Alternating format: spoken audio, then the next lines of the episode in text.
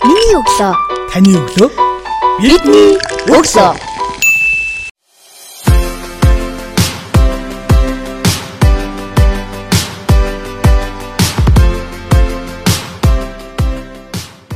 Сонсогч танд шинэ 7 өдрийн өглөөний мэндийг хүргэе. Миний өглөө сурал подкастын шинэхэн дугаар танд хүрч байна. Энэ удаагийн дугаартаа бид хуульч өмгөөлөгч чулуун гэрэлтэй ярилцгаж байна. Юуны өмнөөс бидний урилгыг хүлээж авч хүрэлцэн танд баярлалаа. Шинэ 7 өдрийн өглөөний мэндийг хүргэе. За баярлалаа. Чамд ч бас энэ өглөөний мэндийг хүргэе. Бас энэ урилгыг өгсөн та бүхэнд бас баярлалаа. Таны өглөө хэрхэн яаж эхэлдэг вэ? За ер нь бол өдөр болгоны давтамжтай байдлаар бол өглөө их өрөмц эхлэн. Өглөө хүүхдүүд маань сэрэн тэгэл эхлэндээ тэгэл нэг нь цэцэрлэгт өргөж өгöd нэг нь сургууль өргөж өгөөл. Тэг эхэлдэг. Манай ихнэр бас нөгөө машина бариад тавьчтай тэгэл би ажилдаа ороод. Тэг хамгийн эхэлж бол ажилдаа ороход хамгийн эхэлж бол одоо кофе уун, хар кофе уугаал тэгэл одоо хойлоо уншин, зарим судалгатгоонуудаа үзнэ. За ном бол уншина. За тэг мэдээж хэрэг бол одоо үйлчлүүлэгч нартайгаа ярилцах, харилцах асуудал ингээл эхэлт юм да. Өглөө босон хамгийн түрүүнд хийгээд хийдэг дадал зуршилс үйлдэл танд буюу тийм үйл байдаг бол та хамгийн түрүүнд зэрэг ямар үйлдэлийг хийдэг вэ? Ороо ороод гэл юм шүү дээ. Тий. Ороо ороо тэгэл дадлуулж байгаа юм. А тэгэд яг хуу гэртэл мэдээж өглөө би нэг хоол хийх дуртай. Тэгэд өглөөд нэг өндөг мөндөг шарах тэгэл нэг одоо маха гаргаал тэгэл жоохон хоол хийх тийм асуудал бол байх. Өглөө нэг ороо орохгүй бол өдрийн ажил бүтдэг үг байгаад байдаг шүү дээ. Өө харин тэгж л боддоо шүү дээ. Хөдөл тий. Өдрийн төлөлтөө юун дээр хөтэлдэг вэ? Тэмдэглэлийн нэвтэр ашигладаг уу? Google Calendar ашиглаж байна уу? А ер нь тэмдэглэлийн төвтөр илүү бичгийг илүү өгч зорддог. Гараараа биш тэмдэглээ тэр тэмдэглэсэн зүйлээ бас яйлуулах хийж бүтээхин төлөө явчихдаг шүү дээ. Аа. Яг одоо ямар ажил дээр төвлөрч ажиллаж байгаа вэ? За мэдээж хэрэг яг зөв сонсогчтой бас нэг зүйл тайлбарлаж хэлэхэд бол а, өмгөөлийн ажил гэдэг бол илүү бас цаг нартаа уралдаж хийдэг ажил. Яг нөгөө төсвийн байгууллага шиг ч юм уу эсвэл яг гадны одоо байгууллагуудыг цагаар ажилтдаг учраас хүний эрхийн төлөө цаг ямагт томт одоо хамгаалах гэж түүнийг сэргээх гэж те оролдож явдаг учраас бол илүүтэйгээр нь хурд их шаарддаг. Хүмүүнээс мэдлэгтэй байх их шаарддаг. Тэр илүү төлөрдөг зүйл юу вэ гэхээр мэдээж хэрэг өөрөө үйлчлүүлэгч холбогдож байгаа хэрэг төр төлөрөх номер нэг асуудал. А дараагийн асуудал бол одоо цаг ямаг тутамд мэдлэгээ нэмэгдүүлэх. Одоо онлайн ном юм уу, сошиал гарч байгаа тухтхуунтай тиймэрхүү шинэ соргог мэдээлэл өгсөн номнуудыг их уншдаг. Тэгээ одоогийн төвшөнд бол яг одоо төлөрж байгаа зүйл юу гэхээр миний хувьд бол одоо Шихотог их сургуульд одоо хольц магистр хамгаалах гэдэг байгаа. Тэгээ магистрийн ажил дээр жоон төвлөрөд сууж байгаа та. Ямар а, сэдвээр судалгааны ажил хийж байгаа вэ? За энэ үнцүүл нийцтэй холбоотой л одоо сэдвэр бичиж байгаа. Тэгээ тэрийг бол ерөнхийдөө судлаад арай авс болоогүй. Тэгээ болцсныхаа дараа тэгэл мэдээж хэрэг тим сэдвэр хамгааллаа гэж цаашлал тавиад та тий. За тэгээ хүн бүхэнд байх ёстой хамгийн чухал гурван чадварыг нэрлэж чагвал таны зүгээс ямар гурван чадварыг сонгох вэ? Яагаад гурван ур чадварыг сонгож байгаа вэ? Яа энэ энэ асуулттай гоё асуулт байна. Би яг 10 жилд бол нэг тийм амар мундаг ярьдаг хүүхдүүдэд нийлдэг байсан л та. Тэгээ ялангуяа уурдах багш өгсөн залуур хийгээл өөр юм хийдэггүй. Тэгээд нэг хөлмгийн клубт орч тоглоод тэгээ тэр үед бол нэг намайг жоо нээсэн гэх юм уу да. Тэгээ тэрнээсээ шилтгаалаад яг надад яг гурван зүйл ямар ч хүнд бол байх хэрэгтэй юм байна гэж ойлгосон. За нэгт бол чи сууж сурах хэрэгтэй юм байна сууж одоо юм хийж бүтээж сурах хэрэгтэй байна. Нэг ихлүүлсэн ажлаа дуусгаж сурах хэрэгтэй байна гэдэг. Энэ зам чанартай байх хэрэгтэй юм гэсэн үг. А хоёрт бол маш сайн харилцагч одоо мэтгэлцэгч байх хэрэгтэй байна. Тэс нөх хүний ярьж байгаа зүйлийг сайн сонсож сураад түүндээ таарсан дүн шинжилгээ хийж ярьдаг, тайлбарладаг. Өөрийнхөө мэдсэн мэдлэгийг бусдад түгэж чаддаг ийм чадвар, ярих чадвар л хүнд хэрэгтэй юм. А гуравт бол бас сэтгэл гарах юм байна. Юм аливаа юмыг одоо чин сэтгэлээс их энэ одоо чадвар гэхэд би миний хувьд чадвар л гэж харагдаа. Яг гоо зарим хүмүүс бол мөнгөний төлөө хийж ин гэдэг, зарим нэг хэрэг шинжилгээ хийж ин. Гэтэ гол нь бол тэр хийж байгаа ажилдаа сэтгэл гаргах. Энэ л өөрөө чадвар одоо юмыг сэтгэлээсээ хандах хандлага л гэсэн үг л дээ. Ийм байж ижил юмны үр дүнд хүрэх юм болов гэж бол ойлгож байна.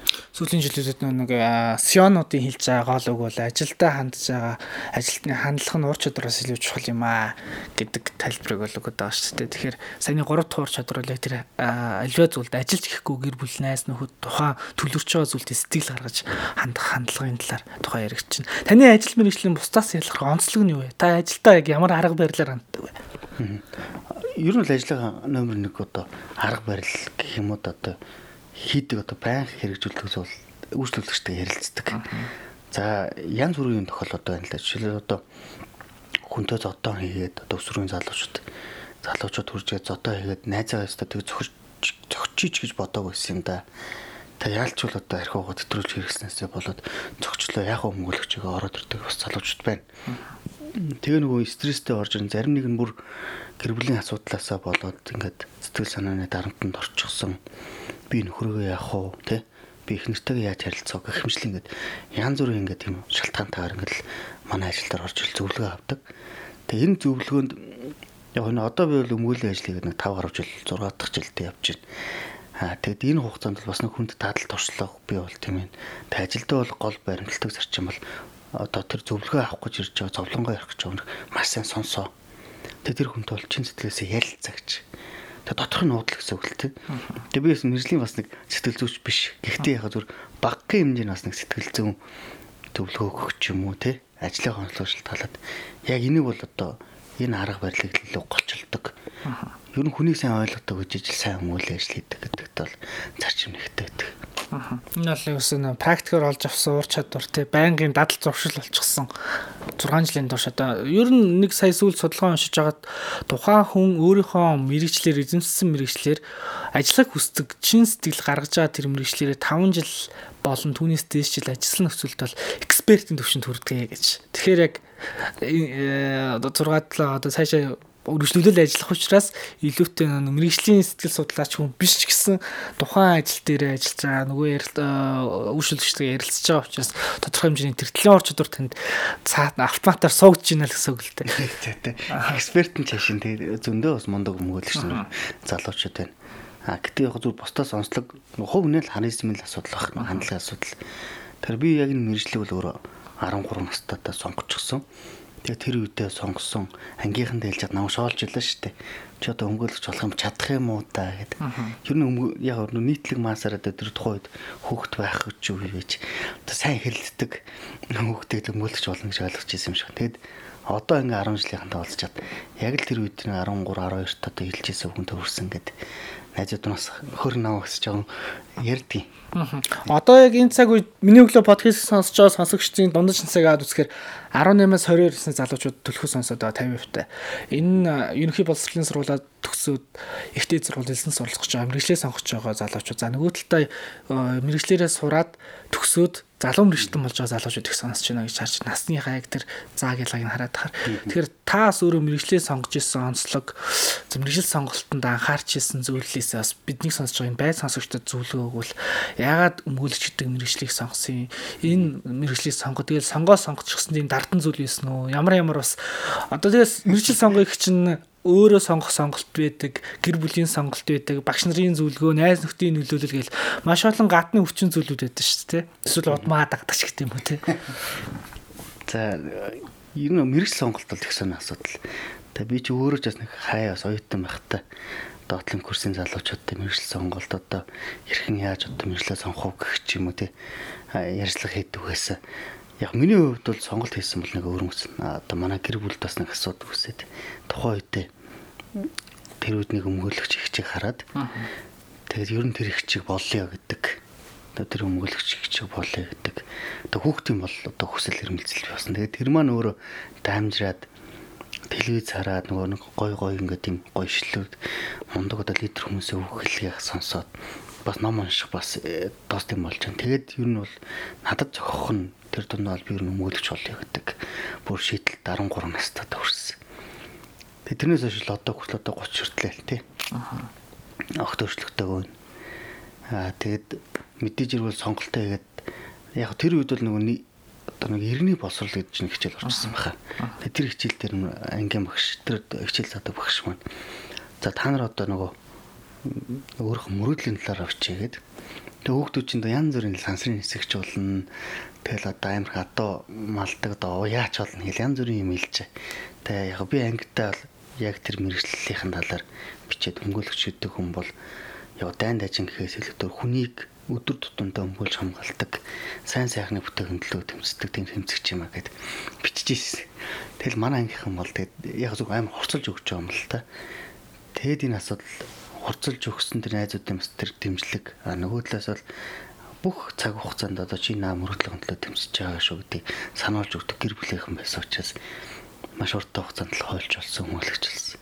Тийм л. Тэгээ бас нэг сонирхолтой шүү дээ. Нөгөө элсдийн ерөнхий шалгалт үлээ тийм шалгалт өгөөд би ч одоо 2 жил 3 жил шахав. Яг нөгөө 60 би 62 сургуулийг төгссөн л тоо. Тэгээ тэр сургуульд бас гайгүй нийгмээр бас гайгүйсэн. Тэгэл ер нь л 800 хоногс ихтэлтэй л л тэгсэн чинь баг яг шалгалтын яриа гарсан чинь л ёо хэвчээ. Байж бол хамгийн доотлын хоног л авсан да. Тэгээд Монгол их сургууль хууль зүйн сургуульд хүсэлт өгч үзлээ, хэсэгт өгч үзлээ, батхан дэнгэрт өгч үзлээ болдгоо те. Тэгэхээр тухайн үед л яг нөгөө Шихот их сургууль одоо тухайн үед бол дээд сургуульсан нөгөө 10 жилийн оноо эстэй ерөнхий шалгалтын оноо хоёрыг коэффициентлоод улаан шугамар татаад нийт оюутнуудаа авдаг гэсэн. Тэгээ тэр бараг манай төгсөл төр манай яг шилжилтийн үе дээр баг хамгийн сүүлийнх нь болж магадгүй л дээ. Тэгэд улаан шугамны яг чүүэл нэг өглөө хоёр хүүхдийн дээр л гараал их сургуульд орж ирсэн. Тэгээ их өтөг сургуульд сураад их зүйчээр төгсөөд 2 жил дадлагаа хийгээд тэгээ хуулийн сонгодод энэ цалин мөглөгчүүлжлээ. Маш олон бас давааг л давсан байна шүү дээ. Гэхдээ тим юм давж ижил энэ мэрэгжлийнхаа үр шимгэртэж байгаа гэж ойлгож байгаа. Ер нь бол яг зөв сонсогч хүүхдүүдтэй залуучуудтай хэлэхэд бол хэрвээ тэр мөрөөдөл гэж сонгож байгаа тэр мөрөөдөл байвал түүнийхээ төлөө тооштой тэмцээрэй гэж хэлмээр байна.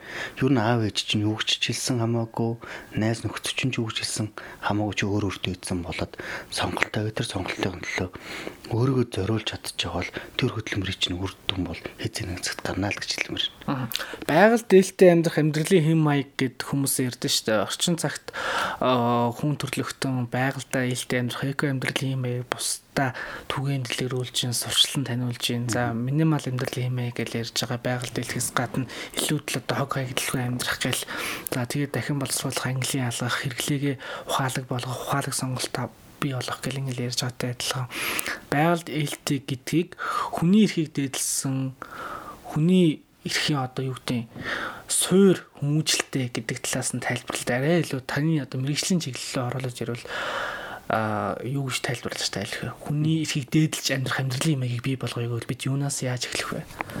Тэгээ энэ нэг бас амар олон ойлголттой тал яг зөв миний ч зөв товчхон байдлаар тайлбарлал хэдий хүний эрхийг ингээд хүндлээд бусд нь одоо ингээд тэр тухайн хүний одоо юу хийх нь дур зургийн асуудал гэдэг асуудал яригч байгаа боловч энд бол нийтийн эрх шиг гэдэг зүйл яригдана.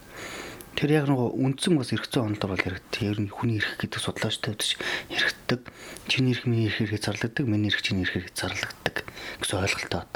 Тэрнээс нь бол хэд дур зургаар авирж болохгүй шүү. Нэг олон олон нийтийн эрх шиг бол нэг нөмөрт байх шүү гэдэг асуудал байл яригдана. Энэ дээр та ялангуяа энэ байгаль орчны асуудал бол яригдчихэж байгаа. За магадгүй одоо би одоо шатхуун ч юм уу тэр одоо байгалийн онгон нагшин газар дээр одоо үйлдвэрлэл хийгээд те. Тэр үйлдвэрлэлийг одоо ямар ч зөвшөөрлөгүй зөвхөн өөрийнхөө ашиг мөнгө олохын төлөө хийгээд шүү дээ. Гэтэл дараа ч 10 жилийн дараа 20 жилийн дараа тэр нь өөрийнхөө төлөө явуулсан мөнгөний төлөө явуулсан тэр үйлдвэрлэлийг чинь үр дагавраас болоод ирээдүйн хойч үед те. Эрүүл аюулгүй орчинд амьдрах хэрэг зөрчигдөж эхэлнэ эрүүл мэндийн хувьд бол одоо юу гэх юм те өвчтөө хөвгүүд төрж өгөх магадлал ч юм те иймэрхүү үр дагавар уршиг байдаг учраас яг хувь хүний эрх гэхээс илүүтэйгээр нийт эрх шиг гэдэг юм бол ярих хэрэгтэй байна гэдэг бол цөөлөө төлөх ярьж байна. Дайлангуул байгаль орчны энэ хамгаалах чиглэлээр бол их яригдаж байгаа. А гэтгэд мөн дээрс нь нурдад хэлэхэд бол би ганцаараа эргэтэй шүү гэдэг ийм үзэлчин өөр их тулчна. Ханахаас тул би зөвхөн өөрийгөө нэг номерт тавина гэсэн асуудалд орчин шүү дээ. Тэгэхээр энэ байдлаас шинжилгээж өнөөдөр нэг гимт хийх сэтэл цаанаа гаргах тий нөгөө би бусдаас илүү давуу байдалтай байшгүй гэдэг юм хүний эгөөг одоо хүний хүний зан чанарыг бий болгочдөг учраас зөв хүн төлөвшөхгүй гэсэн. Төлөвсөн бий бүрдэг. Тэгэхээр одоо эцэг эхчүүдийн залуучдын үчиг гэсэн та бүхэн бүгд л ирээдүйд аав ээж болно тий Тэгвэл би бинийхээ хүндэтгэлтэй ханддаг. А тэр хүндэтгэлээ бусдынхаа нөгөө яламжтай байдлаар хүлэмжшүүлж сурах хэрэгтэй юм шиг. Жишээл хөгжлийн бэрхшээл тэрэн байж болно. Тэр яламжтай байдлыг хүлэмжшүүлж болно тий. Хүлэмжшүүр тэр хүнд хүндэтгэлтэй хандах. А магадгүй нөгөө бэлэнчийг баримжааны хувьд бол одоо хөөр байж л бусдаас онцлог байж л. А тэр хүнийг хүлэмжшүүлэхтэй хүндэтгэх. А ингэж бие биен дээр харьцаа хандлах чинь өөрөө зөөсөнд орж. Яг нэг хүн эрхийн өрөөнд бол одоо эрхийн хувьд л тэгш байна л гэж харж байгаа. Ийм л ойлголт л. Сүүлийн жилүүдэд залуучууд ийм залуучууд кул юм аа. Ийм залуучууд кул юм аа гэдэг хандлагыг их гаргаж ирж байна те. Хог айдгүй бол бусдын эрхийг хүндэлдэг. Саяны таны хэлдэг шиг тийм бусдын ялгаатай байдлыг хүндлэх бол кул юм аа гэд. Тэгэхээр э, таны өнцгөр залуучуудыг энэ шин цагийн generation Z гэж нэлээд байгаа залуучуудыг ямар байгаасаа гэж үздэг вэ? Одооч би чинь 90-ад орон бүтээгдэхүүн шүү дээ.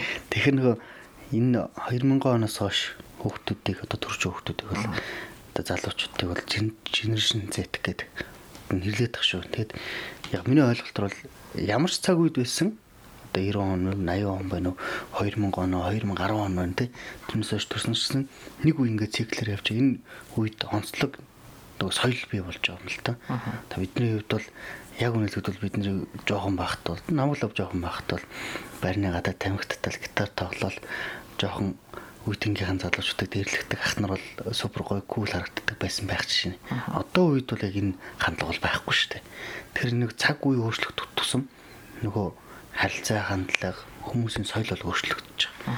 А тэгэхээр тэр нийт тэр соёл дагаад өөрчлөгдөж байгаа холбоотой тэр соёлыг түгээдэг өөрөөр түгээдэг залуучууд эрийг зүйлийг л түгэж өгөх гэж хүсэж байгаа. Энэ бол харин хамгийн зөв кул байна л гэж харж байна. А тэрнээс л нэг хүүхдийг зодоод нөгөөд нь кул харагдахгүй л аахгүй тий. Тэрийг хилж дуурч чаддаг, тэрийг болиулж чаддаг юм залуучууд л кул байна л гэж харж байна. Тэр гаднах үзэмж ямар байх нь хамаагүй дотоод дотоод сэтгэлийн мөн чанар л чухал шүү гэж. Аа. Тэгэхээр сая бас бяцхан ертөнц гайхамшигтай бяцхан хүмүүс гээд хүүхдийн нэвтрүүлгэн дээр. Найз охин чинь хайртай охин чинь эрэгтэй хүмүүстэй булаацаа гисгцсан ингээд авраач гээ байж байгаа. Чи яах вэ гэсэн чинь дараа аварья гэж зүхтнаа гэдэг шиг. Тэгэхээр дараа аварья зогчоо гэдэг бол 90-ад он ч юм уу 80-ад онд бол энэ яасан холчгор залуу вэ гэж боддог гэсэн бол одоо бол харьцангуй өөрөөр нийгэм хүлээж авч байна. Хэрэг нэг соёлын цаг үеийн ялгаал баш таарч байна л да тий. Тий. Цаг үеийн л ялгаа. Тэр үед л чиглэж ер нь нийгэм өөрөө хөв улам өөр хөгждөг. Тэр хөгжлийн дагуу одоо тухайн одоо юмыг харах тий. Тэр нэг үйл явдлыг харах хүн зүгээр өөрчлөгдөж. Тэрс мэдлэг өөрчлөгдөж байна гэсэн үг л тий. Тошны маань хувьд өөрийн гэсэн бас подкастыг анкор дээр байршуулад 1000 гаруй сонсогчтой хандлтаа явсан. Одоо бол хичнээн дугаараар гарцсан байгаа. Аа тий нэр подкасттай ирэх тий. Би өмгөөлөх чулуун гэрэлгээд подкаст пэйж хуудсан нэгээд тэгээ ерөнхийдөө бол яг зөв Монгол нэг зүйл бол ажиглагддаг юм. Хойч нар өөрөө сайн дурын пробоно хийх хэвээр. Тэгээ миний хувьд бол яг ингээд хуулийн гол гол зүйлс юм. Жишээл одоо гэмтэр гэж юу юуг ойлгох юм тий. Ямар төрлийн гэмтрийг одоо одоо танхаарах зөрчил гэж ойлгох юм. Ямар төрлийн гэмтрийг хүний биед одоо халтсан үйлдэлтэй холбоотойгоор хүнд хөнгөн ч юм уу те ийм төрлийн гэмтрэгт яаж хуваарлах юм гэдэг ч юм уу. Иймэрхүү байдлаар л ангилсан байдлаар одоо эрүүгийн 10 подкаст иргэний гэрээтэй холбоотой 10 подкаст одоо зөрчлийн нэг 10 подкаст гэдэг. Яг одоогор л 30 подкастын төлөв гарцсан. Тэгээ 28 нь бол хийгдчихсэн. Тэгээ сүүлийн хоёр дээр ажиллахтаа цацаж чадахгүй одоо магадгүй одоо зочлоод юм сонсогчд маань зочлоод сонсох юм бол одоо яг бүр энгийн ойлголтоор л тайлбарсан ба хуульд юу заасан бид нар юу хийж болно юу хийж болохгүй гэдгийг тодорхой байдлаар л тайлбарсан тийм подкаст хийсэн. Тэг өөрийнхөө нэрээр торталтай өнгөлөгчгөө оруулж гисэн. Өнгөлөгч болон өнгөрлгээд YouTube channel мөн дээрээс нь анчур дээр тавьсан. За Google podcast дээр байгаа. Ер нь яг подкастын бүхэл төрөл төр байгаа. Одоо веб веб платформудад байгаа гэсэн. Тэгээ пэйж хуудасаар бас яг тэргээд өгöd болохоор Тэгэл болоод байгаа юм да.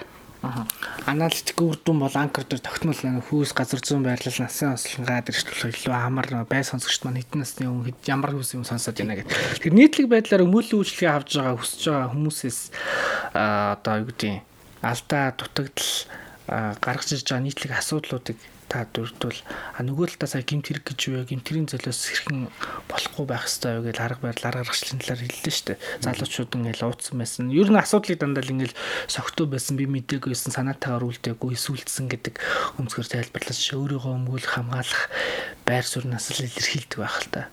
Таны өнцгөр ерөөхдөө бид нар орчин цагийн залуучууд гимт хэрэг зөрчил ямар нэгэн зүйл төр одоо орооцолдохгүй байхын тулд одоо буруу замаар явах гэдэг шүү дээ гимт хэргийн золиос болохгүй эсвэл нэгний гимт хэргийн золиос болоод өөрөө хохирч болохгүй төлөө ямар алхам хийх хэрэгтэй юм бол Тийм тийм яг нөгөө хөтлөгчийн мөнөөс хэлж байгаа зөв л дээ. Тэгээ сонсогчдоо бас сайн ойлгох хэрэгтэй. Ялангуяа залуучууд их сонсдог гэсэн шүү дээ тий. Тэр яг 18-аас нэг 22 23 хүртэлх насны ингээ залуучдыг ингээ хараад тахаар яг би одоо энэ хугацаанд бол нэлээд олон залуучуудтай бас өмгөөлөн төсөлцөө үзүүлэл зарим нэгэнд нь хүрчлэх үзүүлэл явуулчихлаа. Тэгэд энэ залуучуудын бас гол алддаг зүйл нь өөр архитектурлын хэрэглэх. За ер нь бол байна. За яг эдгээр нөгөө бити хэрэглэрэй гэсэн бас асуудал биш л те. Цохимжтой байдлаар хэрэглэрэй. Тэ нөгөө 21 нас хүрчээд те. А гэхдээ тэр зохимжтой байдал ихтрүүлэн хэрэгснээс үүсэх үр дагавар нь юу гэхээр магадгүй нэг найзаагаа гэмтэлтэй болгох. Өөрийгөө одоо эргэн яар шитгэл авах үндэслэл бол бий болохоор. А нөгөө төвөр шууд сэтгэлийн хөрлөөр хийдэг бас их асуудлууд байна. За тухайл одоо би бизнес хийя гэдэг яг хэн хэн болгонд бол бодол байдаг. Тэгээ нэг жоохон баг хэмжээний нэг хөсөө төслөл олсон эд нөхрөөр би бизнес хийнэ гэдэг тий. Шууд судалгаа ямар тоо баримт статистикгүйгээр надад зохих уугүй гэдэг огт бодохгүй шууд хөрөнгө оруулалт хийдэг. За тэгээ нөгөө зовж олсон эд нөхрөө үрдэх ч юм уу. Тэгэхээр нөгөө энэ юу яриад энэ талаар яг хэдий эрүүгийн хэрэг биш гэсэн хэдий зөрчил биш ч гэсэн тэр хүн өөрөө цайн дураар хийж байгаа хэлцэл одоо гэрний асуудал ч гэсэн тэр хүн өөрийгөө өхөрөж байгаа хөөх. Тэр эндээс харуул залуучууд бол сайн судлах хэрэгтэй, юм харах хэрэгтэй, үзэх хэрэгтэй. Хаддаглаад одоо гэрээтэй холбоотой хүнтэй гэрээ ихж байгаа ажилд орох ч жооч юм те. Тийм асуудал гарахад бол судлах мэрэгжлийн тусалцаа авах хэрэгтэй байхгүй. Тэгээ энийгээ болчдөг, хайчдаг учраас алдаа нэг алдаа гардаг. За дараачих бол сая өмнө хэлсэн архитах одоо согтуурлах төрлөө хундаа хэрэглэх. Тэгээ энэ яг энийг хэрэглэх болсон шалтгаан бас их сонслог юмнууд байна. Даалан бол найз нөхдөд дагаж тойроос даривдаг Тэгээ хэдий нөгөө хөрөм хүмжил сайтай ч гэсэн хэдий хүмүүжил сайтай гэр бүлийн боловсрол сайтай ч гэсэн нөгөө нийлж байгаа найзууд чинь өөрөө сонголтонд нөлөөлж идэг. Тэгэхээр магадгүй тэр буруу найзтайгаа нийлэх буруу хүнээс үлгэр дуурайлах авч нь ирээдүйн хувьд бол буруу дүн өөр ташиггүй өөрийнхөө эсрэг шийдвэр гарах үндэслэл болж байна гэж харахаар. За тэгээд яг дурдахгүй орхиж болохгүй нэг зүйл байна. Тэрний үхээр залуучдын дунд бол даа даалан бол яг миний хувьд бол яг зөв хэтэрхий бас консерватив ярьж магадаггүй. Юу гэхээр одоо энэ орчин үеийн залуучуудын яг хөгжим урсгал байж болно. Активч гаргаж байгаа клипэн дээр нь гарч байгаа мансууруулах төрлийн сэтгцэд нөлөөт энэ бэлтгэл бодиттой холбоотой тиймэрхүү төрлийн бүтээгдэхүүнийг сурчилж байгаа юм шиг. Одоо тиймэрхүү одоо видео гаргадаг болчих. Даалан. Тэгэд энийг дуурайх тэр клипэн дээр гарч байгаа амьдралыг дуурайх тийм. Тэр чинь хийсвэр шүү дээ. Бодит амьдрал хүмүүс шал өөр Тэр хийсвэр юм доор авах гэж та тэрийг хэрэглэснээрээ тий мансуурхлын их төрлийн бодис хэрэглэснээрээ одоо кул юм шиг харагддаг. Энэ бодол чинь өөрөө шууд эргэн хариуцлага хүрлэлж байгаа. Монгол улс тэрийг бол хэрэглээ хариулж байгаа. Тэг яг энтэй холбоотойгоор бүр хариуцлан заалт хуулийн зохицуултын талаар бол бас миний подкастн дээр бол байх. Тэр яг ингээ харахаар нэг нэгэ буруу зүйлийг дойрож кул харагдахаас илүүтэйгээр зөв зүйлэн дойрож өөрийгөө одоо мэрдэн мэдлэгтэй болгосон илүү залуу хүнд бол чимэг болох юм байна л гэж миний хувьд л боддог. Аха. Эрэг бүхнийг түгээе гэд яран дээр хавилал үндэслээд байгаа шүү дээ. Тэгэхээр миний өглөө подкастэнд оролцож байгаа зочин болгон бас бидний сонсож байгаа сонсогчдын нийгэмдээ чиглэсэн эрэг өөрчлөлт авчрах тэр урайлгыг дэвшүүлээд яриагаа өндөрлөдөг. Тэгэхээр таны зүгээс залуучуудыг юунд уриалах вэ? Нэг нэгэ дэмждэг байхсаа л гэж хүсэж байна. Тэгэл бол тэгээ дэмждэг тэр дэмжсэн дэмжлэгийн итгэлийг алдахгүйгээр бол бусдыг манлалдаг байгаасаа л гэж залуучуудаас хүсэж байна. За баярлалаа. Сонсогч танд миний өглөө подкаст ээлж дугаар хүрлийн удаагийн дугаартаа бид өмгөөлөгч чулуун гэрэлтэй ярилцлаа. Тэгээд илүү дэлгэрэнгүй хууль зүйн нарийн мэдээллийг авахыг хүсэх юм бол түүний бэлтгэн хүргэдэг өмгөөлөгч чулуун гэрэлсэн нэртэй подкастыг сонсоод бүр системтэй те эрүүгийн Аа за тэгээд э, зөрчлийн ингээд бүлэг бүлгэрээ бүлэглээд 30 подкаст бол бэлэн подкаст платформудад байрсан байгаа юм байна. Та бүхэн дагаад хэрэгтэй өөрт хэрэгтэй мэдээллүүдээ аваарай. Цаг цаа гаргаж бидэнтэй ярилцсан танд маш баярлалаа. Цаашдын судалгааны ажилтнаа өндөр амжилт хүсье. За баярлалаа. Танай бас хамт олонд ч гэсэн баярлалаа.